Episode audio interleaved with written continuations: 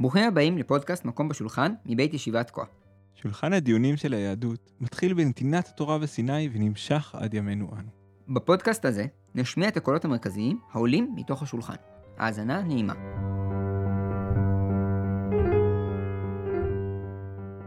אהלן, הפרק הזה, כמו שאתם יודעים, הוא על אחרוני ההלכה. מסתבר שהוא יצא קצת ארוך, אז חילקנו אותו לשניים. אז uh, תהנו מהחלק הראשון. אז אנחנו נמצאים כאן אה, בשבוע השני שלנו. הרב מאירסון נמצא איתנו שוב. שלום הרב מאירסון. ערב טוב. גם עמיחי פה, שלום עמיחי. אהלן, אהלן. בפעם הקודמת אנחנו סקרנו את ההתחלה של אה, התפתחות ההלכה ב- אצל הראשונים. דיברנו על כמה בתי מדרש שהיו בצרפת ובאשכנז, אה, ואחר כך גם על, נכון. על, על ספרדים, על מה היה כאילו בתקופה המוסלמית, מה בתקופה הנוצרית. ודיברנו בסוף על איך שזה בעצם קצת הגיע לאיזשהו חורבן מכל מיני צדדים, נכון? כלומר, דיברנו גם על, אה, הגענו ממש עד כזה אה, גירוש ספרד, כן. בצד הספרדי, וגם בעצם האשכנזים שגירוש צרפת, וגם הגרמנים כבר לא כל כך נחמדים אלינו, ומינון לאון אז יוצא שהאשכנזים ברוב מקומות משמעותיהם כבר לא כל כך מוצאים את עצמם. אז אה, אני חושב ש- ש- ששם עצרנו בגדול.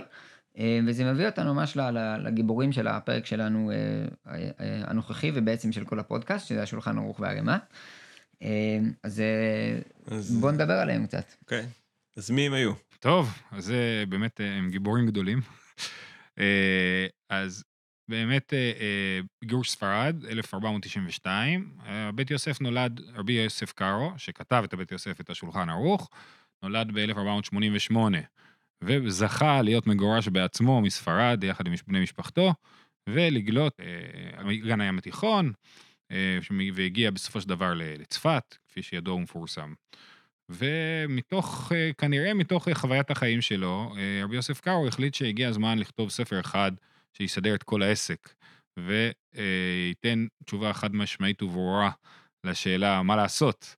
ואז הוא כותב בעצם שני ספרים, יש מחלוקת אה, גדולה היום בין אה, החוקר, החוקרות בעיקר, האמת, בין אה, מור ארדשולר לתרצה קלמן, בשאלה האם לכתחילה הוא, הוא תכנן את הספר בתור ספר כפול של בית יוסף ושולחן ערוך, או שבאמת זה ספר, קודם הוא כתב בית יוסף, אחר כך הוא חשב שזה יהיה רעיון טוב לכתוב גם שולחן ערוך. אז בעצם נתחיל מהבית יוסף. הבית יוסף זה ספר שרבי יוסף קארו כתב בשביל, הוא מנסה בעצם לתת תמונה רחבה של פסיקת ההלכה. הספר מבוסס על אה, ספר אה, הטור של רבי יעקב בן אשר, שעליו דיברנו, אני חושב, בהרחבה מסוימת פעם שעברה. אה, ובעצם כל דבר שהטור אומר, הוא אומר מאיפה אתה יודע את זה, הוא מסביר, זה בא מהגמרא, איזה מחלוקות יש בתחום, פרשנויות שונות לשאלה הנידונה, ומסביר מאיפה הגיעה ההכרעה של הטור, וגם במקרים רבים מסביר שזאת לא הכרעה שנראית בעיניו, והוא בוחר בהכרעה אחרת. באמת הוא השתדל להביא מגוון מאוד רחב של ספרים, ראשונים ספרדים, ראשונים אשכנזים, אה, אה, וממש עד כמעט הבני זמנו, למעריק ולתרומת הדשן, אה, שהם אה, ספרים שיחסית נכתבו 50-80 שנה לפני שהוא יושב וכותב את הבית יוסף. ממש ספר מעודכן. כן, מאוד מעודכן, גם מאוד מעניין, הוא מאוד מאוד מקפיד על, מבחינת, הוא מאוד מאוד מקפיד, מקפיד על הפניות. זאת אומרת, אם אתה קורא בית יוסף, אתה תדע למצוא את ההפניות שלו. זה לא כאילו ראיתי ברשב"א, אלא כתוב בתורת הבית, בשער אה, ג', בית ד', לא יודע, כן? אה, אה, יחסית. תרומת הדשן, יש בתרומת הדשן שני חלקים, תרומת הדשן ופסקים וכתבים. הוא יודע להגיד לך, זה כתוב בפסקים וכתבים, וזה כתוב בתרומת הדשן. זאת אומרת, הוא מאוד מאוד, יותר מזה, אני אתן לכם דוגמה יפה. יש שו"ת שקוראים לו שו"ת הרמב"ן. אבל הוא אומר, אנחנו יודעים שזה לא שו"ת הרמב"ן, שמי שכתב את שו"ת הרמב"ן זה הרשב"א. אז יש לנו שו"ת הרשב"א, ויש לנו שו"ת הרמ... תשובות מיוחסות לרמב"ן, אבל באמת זה לא הרמב"ן, זה לא באמת הרשב"א. אז הוא אומר, אבל אם אני אקרא לזה שו"ת הרשב"א, אתה לא תדע על איזה ספר אני מדבר. בהקדמה שלו לבית יוסף הוא כותב את זה. לכן אני אקרא לו תשובות להרמב"ן. שכתוב תשובות להרמב"ן, זה כאילו קיצור של תשובות המיוחסות להרמב"ן, שהם באמת הרשב"א. כן, אבל בשביל שתדע איזה ספר לפתוח כשאני מפנה אותך. אז זה אה, אה, ממש אה, מודעות מאוד גבוהה לדבר הזה של כאילו, שאני גם מתפקד פה כסוג של אה, אינדקס ל, לאיזה ספרים אנחנו, אני משתמש. כלומר, הוא התכוון שזה ספר שלמדני כאילו. כלומר, ספר ש... ש... כן, לגמרי. זה ספר שבאמת, אה, כאילו, יש הלכה מסוימת, אני יודע מה, אה, אה, זמן קריאת שמע, אה, אז הנה, זה כתוב בגמרא פה, הרמב"ם הסביר ככה, הטור הסביר ככה, הרשב"א הסביר ככה, וכדומה, וכ... וזה. עכשיו, הדבר המפורסם זה שהוא כותב שהוא יכריע את ההלכה לפי שלושת עמודי ההוראה, שהוא בוחר את הרמב"ם, הריף והראש.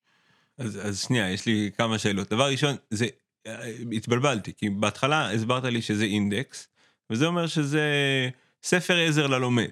אני, במקום שתפתח את כל הספרים, אז אני אסכם לך את כל הדברים החשובים שנאמרו, אה, תלמד אותם, תדע, אה, תדע איפ, מה הדברים החשובים שנאמרו. והדבר השני שאמרת זה שהוא ספר פוסק, זאת נכון. אומרת שהוא בעצם מחליט מה, מה נכון. כן. אז, אז מה הוא? גם וגם, חד משמעית. זאת אומרת, הוא, הוא, הוא יעשה לך את כל הדיון, ובסופו של דבר הוא יגיד לך מה נכון להלכה.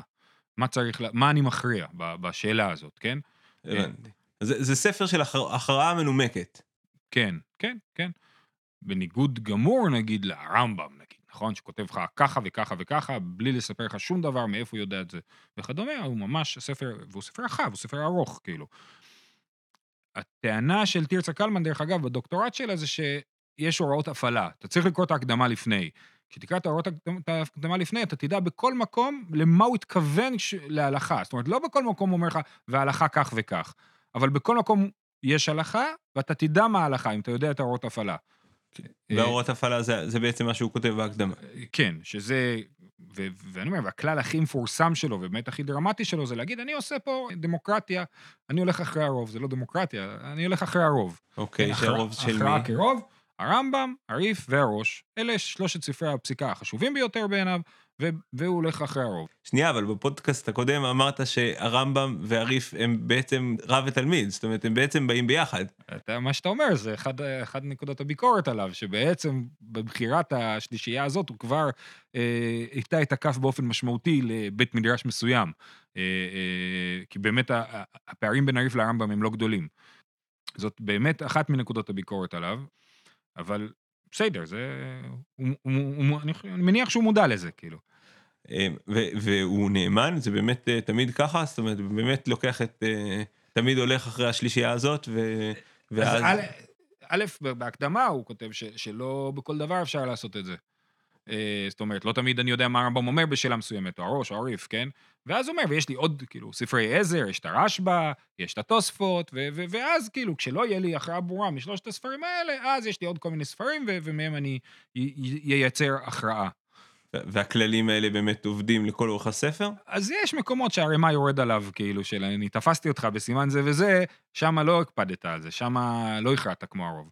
ובאמת זה נכון, באמת התחושה היא שיש תחומים הלכתיים מסוימים שבהם הוא קצת סוטה מזה. לדוגמה, בהלכות שבת, אני חושב שהבית יוסף מאוד מאוד מחמיר, והוא יכריע לחומרה כמו שיטה אחת. נגיד, הוא ילך עם הראש בשאלות מסוימות, גם שהוא מחמיר יותר מכולם, אני חושב שהוא מאוד לחוץ בהלכות שבת, סתם כדוגמה, ומכריע לפי שאלות אחרות. או לחלופין, בהלכות נידה, אני חושב שהרשב"א הוא מאוד מרכזי מבחינתו, באיך הוא חושב על העסק, כאילו. אז יש כל מיני מקומות כאלה. אה, אה, שבאמת הוא, הוא... זה לא חד משמעי, זה... אין, אין, אין מה לעשות, כאילו, זה לא עובד לכל האורך. בכל אופן, התודעה שהוא מייצר היא החשובה. הוא מייצר תודעה של ספר שמכריע להלכה מה צריך לעשות. ו- ולכאורה, זה השורה האחרונה, אחרי זה אין יותר מה לכתוב ספרים. כל הספרים טוענים שהם כותבים את האמת ושצריך לפסוק לפיהם, לא? מה ההבדל בינו לבין הספרים האחרים? אני לא בטוח שזה נכון. אני, כאילו, אני לא יודע, בבית מדרש של אה, התוספות, של המרדכי, אה, אה, אני מספר לך, כאילו, פסקנו ככה, החלטנו ככה, אבל זה לא אומר שזה מחייב באיזושהי צורה. אני חושב שהתפיסה שלו בתור, ויותר מזה, כאילו, הרוחב היריעה של אני לוקח את כולם, אני מכיר את כולם, גם האשכנזים הכי הכי דחוקים, אני מצטט שערי דורה, אל תדאג, לא הזנחתי את האשכנזים, גם אותם אני זכרתי, כן?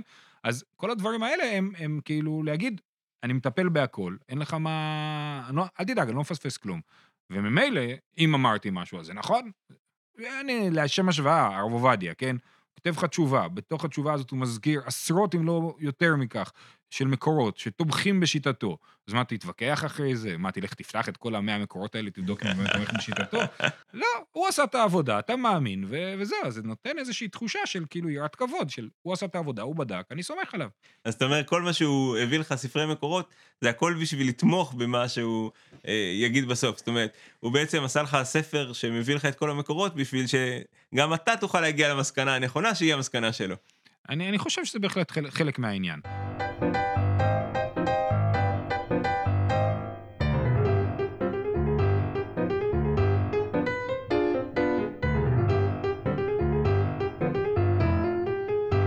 יש את העניין של, ה... של השמיכה בצפת. זאת אומרת, בצפת באותם שנים הם אה, אה, רצו לחדש את השמיכה, לא ניכנס לזה בהרחבה, אבל מה זה לחדש את השמיכה? יש את העניין של בית דין סמוך. בית דין סמוך זה בית דין שהוא אה, אה, אה, קיבל רשות לדון דיני קנסות, דיני אה, מלכ, מלכות וכדומה, ובעצם במידה מסוימת זה אה, התחלתא דגאולה, זאת אומרת, אה, מבית דין כזה אפשר להתפתח ולייצר סנהדרין והכרעות כלל ישראליות. אה, אה. עכשיו, אין ספק שבתודעה של הבית יוסף זה, זה מתחבר לשולחן ערוך, וההוכחה הכי יפה לזה, זה מה שכתוב בספר מגיד מישרים. ספר מגיד מישרים, זה ספר שבו בית יוסף מספר מה המגיד אמר לו. המגיד... מה, מה זה מגיד? המגיד זה איזשהו אה, מלאך, או פעם הייתי בהרצאה של משה אידל, שהסביר שזה כאילו, זה משהו שכאילו מדבר מגרונו של הבית יוסף אל הבית יוסף. משהו כזה. מין דמות, אה, אה, מל... סוג של מלאך, או סוג של... אה, לא, לא הבנתי, מי זה? הוא אריזל או, או מה זה? זה קבלה? הוא מקובל? כן, הוא מקובל. התשובה היא כן, הוא מקובל, הוא שייך במידה מסוימת לחוג של הארי, לא בדיוק, אבל בערך, בהחלט, הארי חי באותם שנים בצפת, אה, אה, והוא מכיר אותו וקשור אליו. בית יוסף גם יש צד קבלי, והצד הזה מתבטא באופן מאוד דרמטי בספר מגיד מישרים, שבו יש כל הספר זה מה שהמגיד אמר לו, הוא מספר, המגיד אמר לי ככה, הוא לפעמים קורא לו מלאך המשנה, יש טוענים שזה בכלל דמות נשית ולא דמות גברית. לא יודע מה להגיד על זה, כן? אבל זה ספר, זה קיים. למה אני מזכיר את זה? כי בספר הזה... כי זה מגניב. אוקיי. כי הבן אדם שאחראי על ההנחה, יש לו חתיכת ספר הזיה, שהוא מספר מה המגיד שלו אמר לו. כן. גם אם יש... מסודר גם... לפי פרשת שבוע. איזה הזיה. בין הדברים שהמגיד אומר לו, הוא אומר לו שאתה תזכה שהפסקים שלך, בגלל שמסרת את נפשך על השמיכה, ככה הוא כותב, אז אתה תזכה שהפסקים שלך יתפשטו בכל ישראל. אז ברור ש... שבתודעה של הבית יוסף, בין אם זה המגיד אמר לו, בין אם זה כל פנימי שדיבר מגרונו, אה, הוא חושב שיש קשר בין הדברים, שיש שמיכה ויש איזה חידה שאני מפיץ הולכת להתפשט, כן? אז באמת, הוא בהחלט ניסיון לקבע הלכה, הנה חינמי, יכול להיות שזה כאילו לבוא, לבוא ולהגיד, תראו מה אני אומר, תראו מה אני יודע, תראו מה בדקתי. כל הדברים האלה אני בדקתי, ואני אומר לכם שזאת ההלכה. אז בואו תהיו איתי כאילו בעניין הזה. יש פה עוד נושא שזה בדיוק אז מתחיל הדפוס. אה, זאת אומרת, הבית יוסף נדפס בין, זו עבודה של 20 ומשהו שנים, כן, אבל הוא נדפס בין 1550 ל-1559, זאת אומרת, ארבעת הכרכים של הבית, יוסף, של הבית יוסף נדפסים בין השנים האלה. הדפוס באמת, המאה הראשונה של הדפוס. זאת אומרת, אה, אה, בדפוס מקובל לדבר על אה, דפוס, הדפוסים הראשונים בין ה-1450 פחות או יותר ל-1500, ואחר כך באמת הדפוס מתחיל להתפשט באופן משמעותי, אז בהחלט כן, זה הדפוס.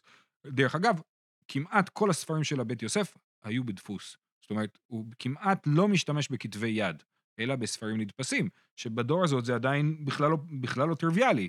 זאת אומרת, לכאורה... מה זאת אומרת הוא לא משתמש? הוא לא קורא? ספרים, כאילו, הספרים יש... שהוא מצטט? אז כן, ספרים, זאת אומרת, יש לדוגמה, חידושי הרשב"א נדפסו באותו, בשנים האלה רק על שלוש מסכתות. חוץ משלושת המסכתות האלה, הוא כמעט ולא מצטט חידושים של רשב"א. הוא מצטט קצת, בעיקר בעירובין ובקמה, כנראה שהיה לו את הכתבי יד האלה. אבל, אבל זה, הוא עובד בעיקר עם ספרים נדפסים, ולא עם כתבי יד, וזה לא טריוויאלי, כי עדיין, התרבות של הכתבי יד היא עדיין מאוד מפותחת. עכשיו, הפער בין כתב יד לספר שהדפיסו אותו הוא דרמטי, נכון? כי כתב יד יש אחד, וברגע שהדפיסו ספר, אז זה אומר שיש עשרות, אם לא מאות כאלה שמסתובבים, והם מותקים אחידים, וזאת אומרת... ואפשר לייצר הפניות. אני יכול להגיד לך, תסתכל, שם, בדף זה וזה. אני לא צריך להגיד לך בפרק אה, ראשון של מסכת שבת, ואתה צריך לעבור על כל הפרק בשביל למצוא את ההפניה שלי. אני אומר לך, תסתכל בדף ג', כן? זה הרבה יותר קל למצוא את ההפניה הזאת. והוא גם יודע שהספר שלו, אם הוא באמת יתקבל, הוא, הוא יודפס והוא יופץ והוא אשכרה יהיה בכל מקום, בכל בית כנסת יהיה עכשיו את הספר הזה. לגמרי, כן. והשלב הבא זה שהוא מחליט לכתוב גם את השולחן ערוך.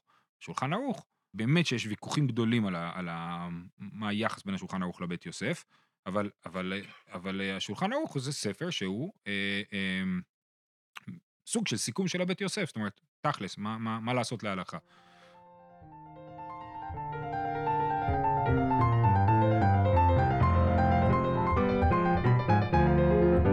אוקיי, אז הרי מה? רבי משה איסרליש, נכון? אה, מה, מה הרקע שלו? רבי משה איסרליש, אה, אני חושב שהוא נולד בפולין ב-1530, אם אני לא טועה, והאמת היא שאני לא בטוח ששנת הלידה שלו ברורה בדיוק, והוא נפטר ב-1570 פלוס. רבי משה איסרלי, שהוא הרב של קרקוב בפולין. עכשיו, גם פולין, אנחנו חושבים שתמיד היו שם יהודים, זה לא מדויק. פולין הוא אזור שמבחינת יהודים התפתח מאוד במאה ה-15 וה-16. כמו שאמרת בהתחלה, אז היהודים גולים מצרפת, גולים מגרמניה, הם גולים מזרחה, לכיוון פולין. ובפולין מקבלים אותם בזרועות פתוחות, ושם מתפתחת היהדות. זאת אומרת, רבו של רבו, של הרמ"א, רבי יעקב פולק, הוא נחשב כמי שהביא את התורה לפולין. והרמ"א ממילא הוא אחד מהדורות הראשונים של יהדות פולין. זו שאלה איך להסתכל על הספרים של הרמ"א. אפשר לקרוא אותם בעיקר כתגובה לשולחן ערוך, זאת אומרת, הגיע, או בית יוסף, הגיע בית יוסף, מה זה, מה הוא חושב על עצמו? הוא שכח את... אה, הוא לא התייחס ברצינות מספיק לשיטות האשכנזים, הוא לא לקח מספיק ברצינות התוספות, הוא מכריע נגד כל מיני ראשונים שיש לנו שאנחנו מאוד מחזיקים מהם, והוא גם לא, לא מתאים למנהגים שלנו, כן? זאת אומרת, כל השיקולים האלה, והחשש שהספר הזה ית, יתפשט בפולין, כן? ופתאום אנשים לא ידעו לפסוק הלכה, כי הם יחשבו שמה שכתוב בשולחן ערוך זה מה שנכון, אז צריך, צריך לייצר תגובה ציונית הולמת, נכון? אי אפשר ככה, כאילו, לתת לספר הזה... להסתובב ככה, להסתובב חופשי ככה, כן? אצלנו. כן? יש כאלה שהוציאו את אה, פניני הלכה מהבית מדרש, כן? אז צריך לעשות משהו עם הדבר הזה. אז, אה, אה, אז הרמ"א באמת מייצר תגובה אשכנזית לדבר הזה. שתי הספרים הרלוונטיים מבחינתנו כרגע זה דרכי משה, שזה בעצם המקבילה לבית יוסף, על, על הטור, והרמ"א, שזה הגהות על השולחן ערוך. זאת אומרת, יש ספר שולחן ערוך, והערות של הרמ"א על השולחן ערוך. פה אנחנו אומרים אחרת, או פה אנחנו לא מסכימים, או פה הוא צודק, אבל צריך לדייק את זה קצת יותר, כן?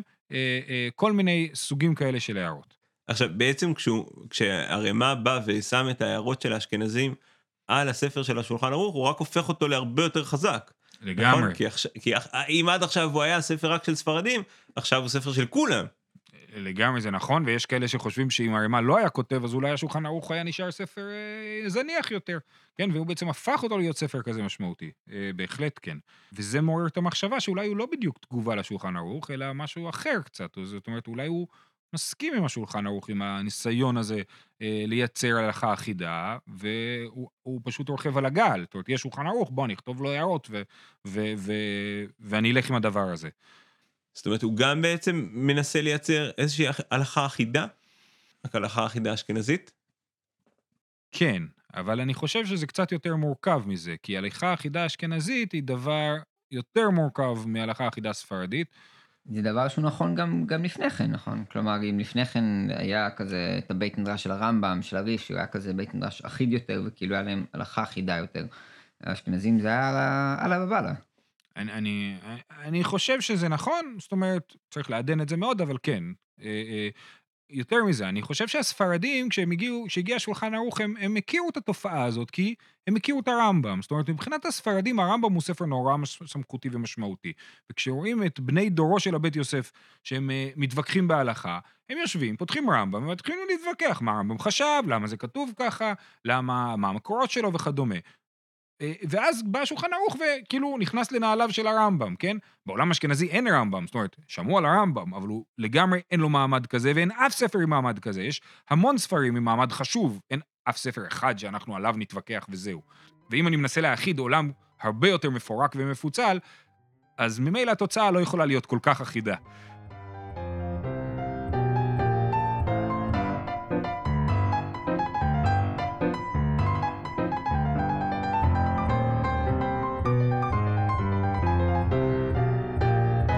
אמרת שהרימה כותב את זה בגלל שהוא מתחשב אה, בראשונים אה, אשכנזיים יותר, שאמרנו קודם שהשולחן ערוך לוקח בתור אה, שניים משלוש את הריף ואת הרמב"ם שבעצם באותו בית מדרש.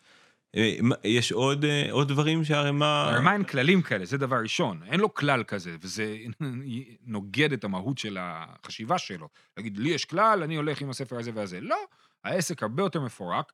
אה, אה, אז יש, צריך לציין שני דברים. אחד זה ההתחשבות הדרמטית במנהגים. לעומת השולחן ערוך, הרמ"א חושב שמנהג זה דבר דרמטי. צריך להתחשב בו, הוא מאוד משמעותי. אם אנחנו נוהגים משהו מסוים, אנחנו נמצא לו את כל ההצדקות שאפשר.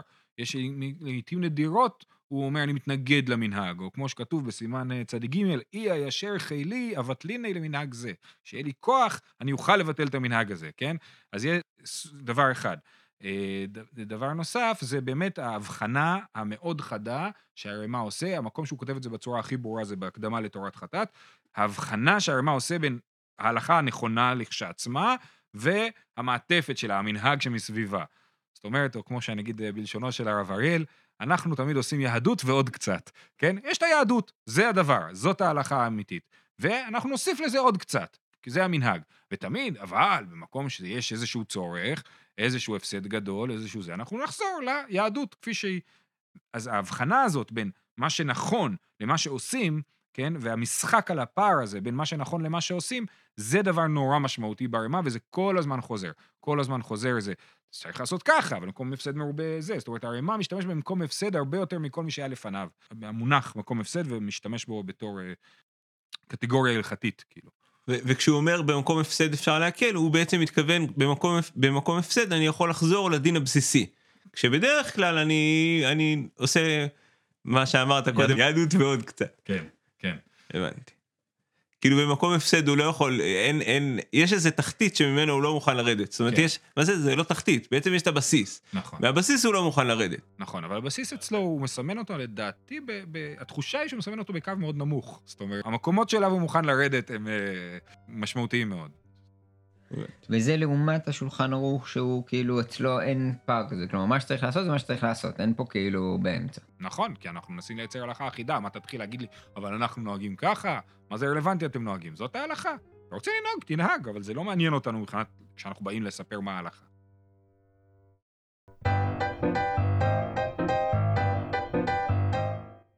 תודה שהאזנתם.